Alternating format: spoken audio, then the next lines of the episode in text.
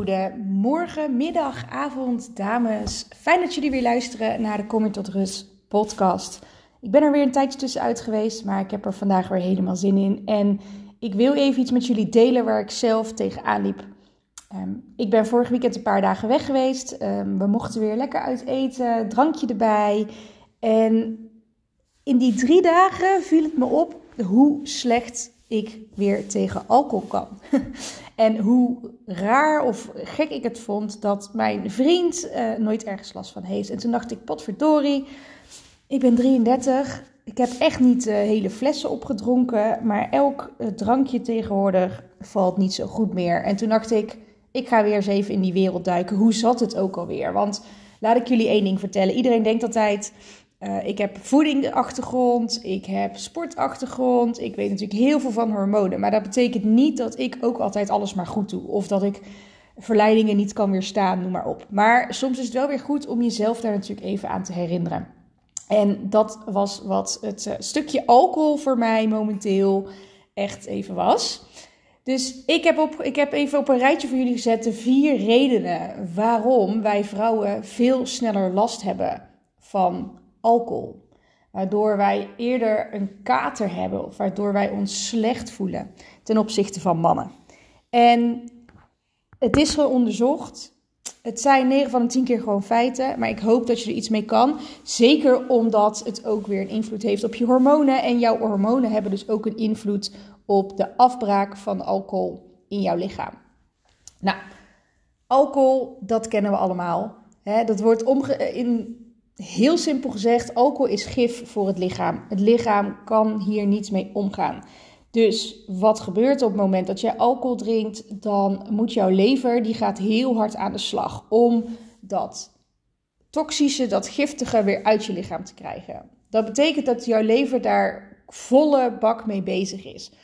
Alle andere processen die jouw lever normaal gesproken ook uh, doet, bijvoorbeeld het afvoeren van overtollige hormonen, um, überhaupt uh, dingen afbreken in het lichaam, die worden dus eventjes stopgezet op het moment dat jij alcohol gaat drinken. Want die alcohol is het giftigste, dus dat gaat voor. Dat is even goed om te onthouden, want daar kom ik zo meteen op terug. Nou, je hebt misschien wel eens vaker gemerkt dat je gewoon als vrouw minder goed tegen alcohol kan dan als man. En misschien ben jij niet zo iemand. Nou, good for you. Of misschien drink je helemaal niet, ook goed voor jou. Uh, maar hoe komt dat? Er wordt vaak gezegd omdat mannen uh, langer zijn dan vrouwen, meestal. Uh, dat ze daardoor meer bloed hebben, waardoor het hè, in verhouding dat je dan ook minder alcohol binnenkrijgt. Nou, daar is misschien een klein beetje van waar, maar dat is niet de grootste reden. De grootste reden is namelijk als volgt. Om alcohol af te kunnen breken, hebben wij twee soorten enzymen nodig in ons lichaam de ADH en de ALDH. En deze die zorgen dus voor dat het weer helemaal bij de lever dat wordt afgebroken.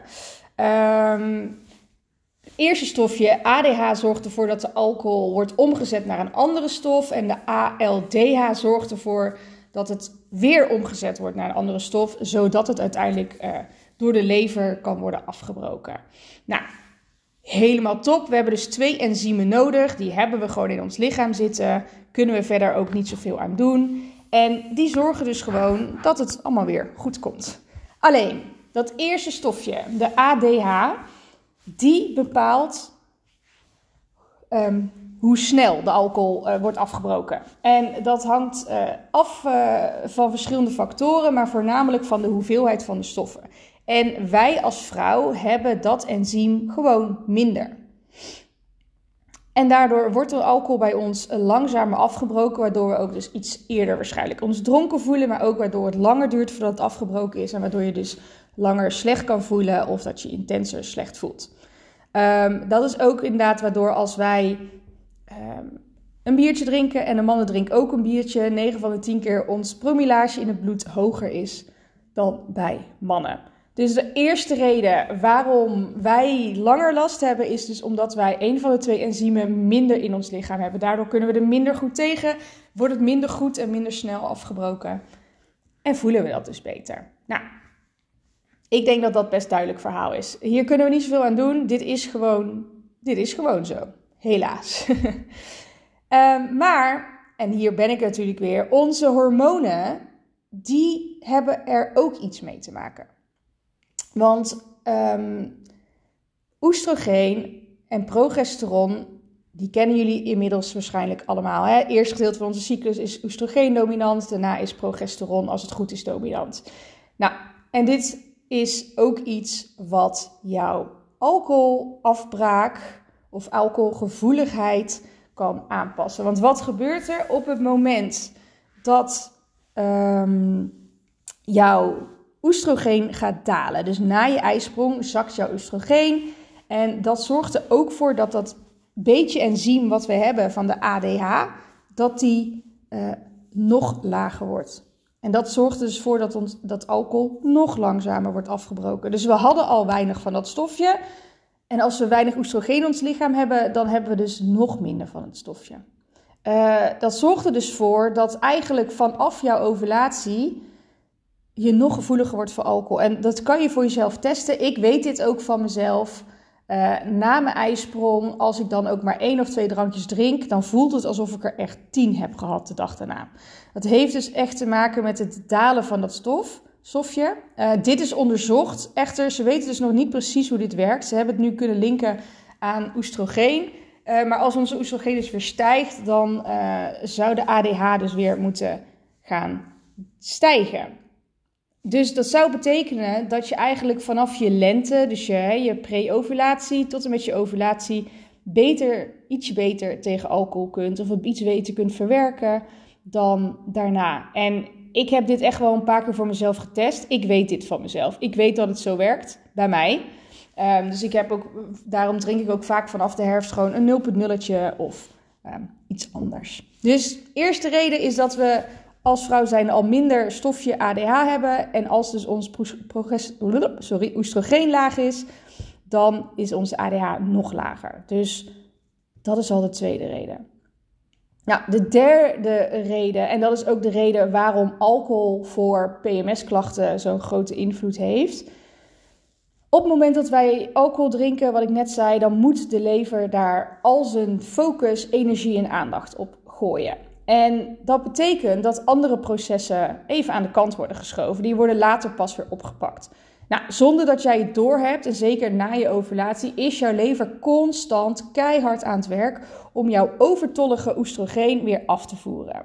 Waarom? Als we dat niet doen, dan krijgen we snel een oestrogeendominantie. En een oestrogeendominantie houdt eigenlijk in dat er te veel oestrogeen in het lichaam is.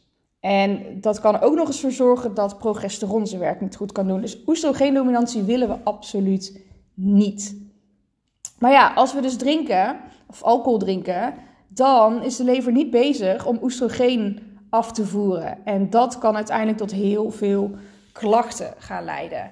Um, je gaat je slechter voelen. Dit kan oplopen tot uh, pijnlijke borsten. Je, de, eh, de, de, ja, hoe zou ik het zeggen? Wat hierdoor gebeurt, en daar kom ik zo bij puntje 4 ook voor. Het zorgt ervoor dat er meer ontstekingen in het lichaam gaan ontstaan. En die ontstekingen, dat zijn kleine ontstekingjes bij elkaar, die zorgen op het moment net voor jouw menstruatie dat je heel erg pijnlijke klachten kunt krijgen. Dus heel veel vrouwen ervaren uh, pijnlijke borsten, migraines, uh, rugpijn, buikkrampen. Hoe meer ontstekingen jij in je lichaam hebt, hoe heftiger die dingen zijn. Dus we willen die ontstekingen niet. Dus we moeten ervoor zorgen dat die oestrogeen goed weg kan. Dus het derde puntje is gewoon dat, dat je lever echt even stil wordt gezet en dat je snel een oestrogeendominantie krijgt. Dus dat is niet gelijk de reden hè, van waarom heb je de dag ernaast zoveel last, maar wel op langere termijn. En als laatste punt wil ik je ook nog even meegeven. Kijk, alcohol is dus ontstekingsbevorderend, zoals ze dat noemen. Alcohol zorgt er met die verschillende redenen voor dat er dus meer ontstekingen in je lichaam komen. Eerste reden daarvan is, is dat vaak worden alcohol uh, wordt gecombineerd met suikerhoudende drankjes. Hè, dus je, je hebt uh, mensen die graag voor een, uh, een rum cola, een gin tonic, nou ja, noem maar op.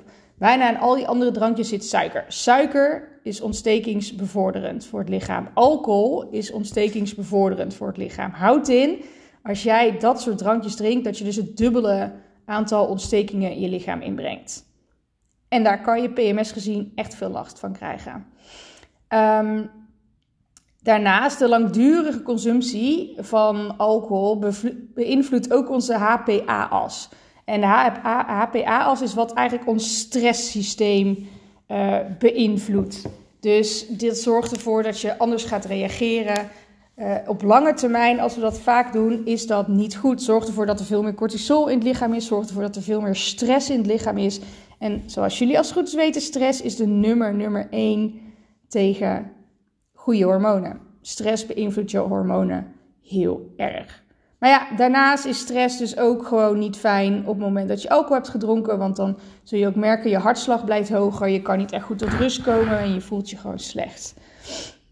Dus we hebben, als we alcohol drinken, we hebben als suiker wat onze uh, ontstekingen omhoog gooien. Stress wat onze ontstekingen omhoog gooien. En daarnaast, wat ik al zei, de lever kan niet doen wat hij, in, wat hij moet doen. Maar alcohol zorgt er ook voor dat we bepaalde voedingsstoffen niet goed op kunnen nemen. Dus we hebben constant vitamine en mineralen nodig, elke dag opnieuw. Die moeten we blijven aanvullen. Maar op het moment dat we drinken, gebeurt dat ook niet. Dus die missen we alweer. De goede vitamines en mineralen. Nou ja, vervolgens gaan we natuurlijk die lever aan het werk zetten, wat er dus voor zorgt dat andere dingen blijven liggen. Maar het zorgt er ook voor dat onze glutathionvoorraad opraakt. En die voorraad die hebben we juist um, om ontstekingen te remmen. Het is een hele sterke antioxidant en die hebben we nodig. Gewoon om gezond te blijven. Elke cel in jouw lichaam maakt deze stof aan, glutathion. En elke cel heeft het ook nodig, dus die gebruikt het ook weer. Um, wat dus de belangrijkste taak is, is het onderdrukken van de vrije radicalen, zoals we dat noemen, dus de, de kankerverwekkende stoffen, en het verwijderen van toxische stoffen. Um, en in totaal verkleint dat dus het aantal ontstekingen in je lichaam. Um, dus we willen die glutathion-voorraad, die willen we eigenlijk goed houden. Nou, zodra we drinken, komen we daaraan en dan is hij dus te laag. Wat er uiteindelijk dus op langere termijn voor kan zorgen dat um, A, we bepaalde voedingsstoffen missen. B, onze lever dus helemaal slecht gaat en niet meer kan doen wat hij moet doen. Wat in ons geval ook voor oestrogeendominantie zorgt. Um, en als laatste dat hij dus echt ook uiteindelijk uh, de antioxidanten uh, weg zijn. Dus dat ons lichaam niet meer natuurlijk kan vechten tegen alle slechte stoffen. Ja, en dat kan dus tot allerlei ziektes leiden. Als jij net zoals ik wel geniet van een drankje, dan denk je nu misschien, poeh, ik weet niet of ik dit wel wilde weten. Het is niet zo dat je niks meer kan drinken. Maar wat er voor vrouwen en zeker voor de hormoonbalans wordt aanbevolen is maximaal vijf glazen per week. En dan bij voorkeur bier of wijn, omdat dat niet dubbel ontsteking is met die suikers. Dus dan heb je maar één vorm suikers. En als je vijf glazen per week zou drinken, dan probeer max twee glazen per keer te doen, plus water erachteraan. Dat is de beste manier om die glutathionvoorraad goed te houden, om je lever niet helemaal van slag te maken. Uh, noem maar op. En persoonlijk, als jullie PMS en menstruatiecoach, zou ik zeggen: als je drinkt, probeer het in je lente, begin zomer te doen. Daarna is die lever, die moet echt focussen op je oestrogeen Ga dat niet in de weg zitten. Um, de, ik krijg heel vaak de vraag: is 0.0 dan wel goed? Want 0.0 drankje zit vaak veel suiker in. Ja, die suiker zit dus ook in je alcohol. Dus als jij wel iets lekkers wil drinken en je pakt een 0.0'tje, dan is dat altijd beter. Want die suiker in 0.0 zat ook in je wijn. Dus dat maakt niet uit. Alleen, die suiker alleen kan je lichaam beter verwerken, omdat die, die lever niet keihard hoeft te vechten. Dus 0.0 is in dat geval altijd beter. Maar ja, laten we eerlijk zijn, eigenlijk alle drankjes zonder suiker hè, zijn natuurlijk het beste. Dus dat uh, is eigenlijk wel de conclusie. Dus nog heel even opgezond. Wij hebben dus minder uh, van het ADH-enzym, waardoor wij moeilijker alcohol kunnen afbreken. Daarnaast is dat dus nog minder na onze ijsprong.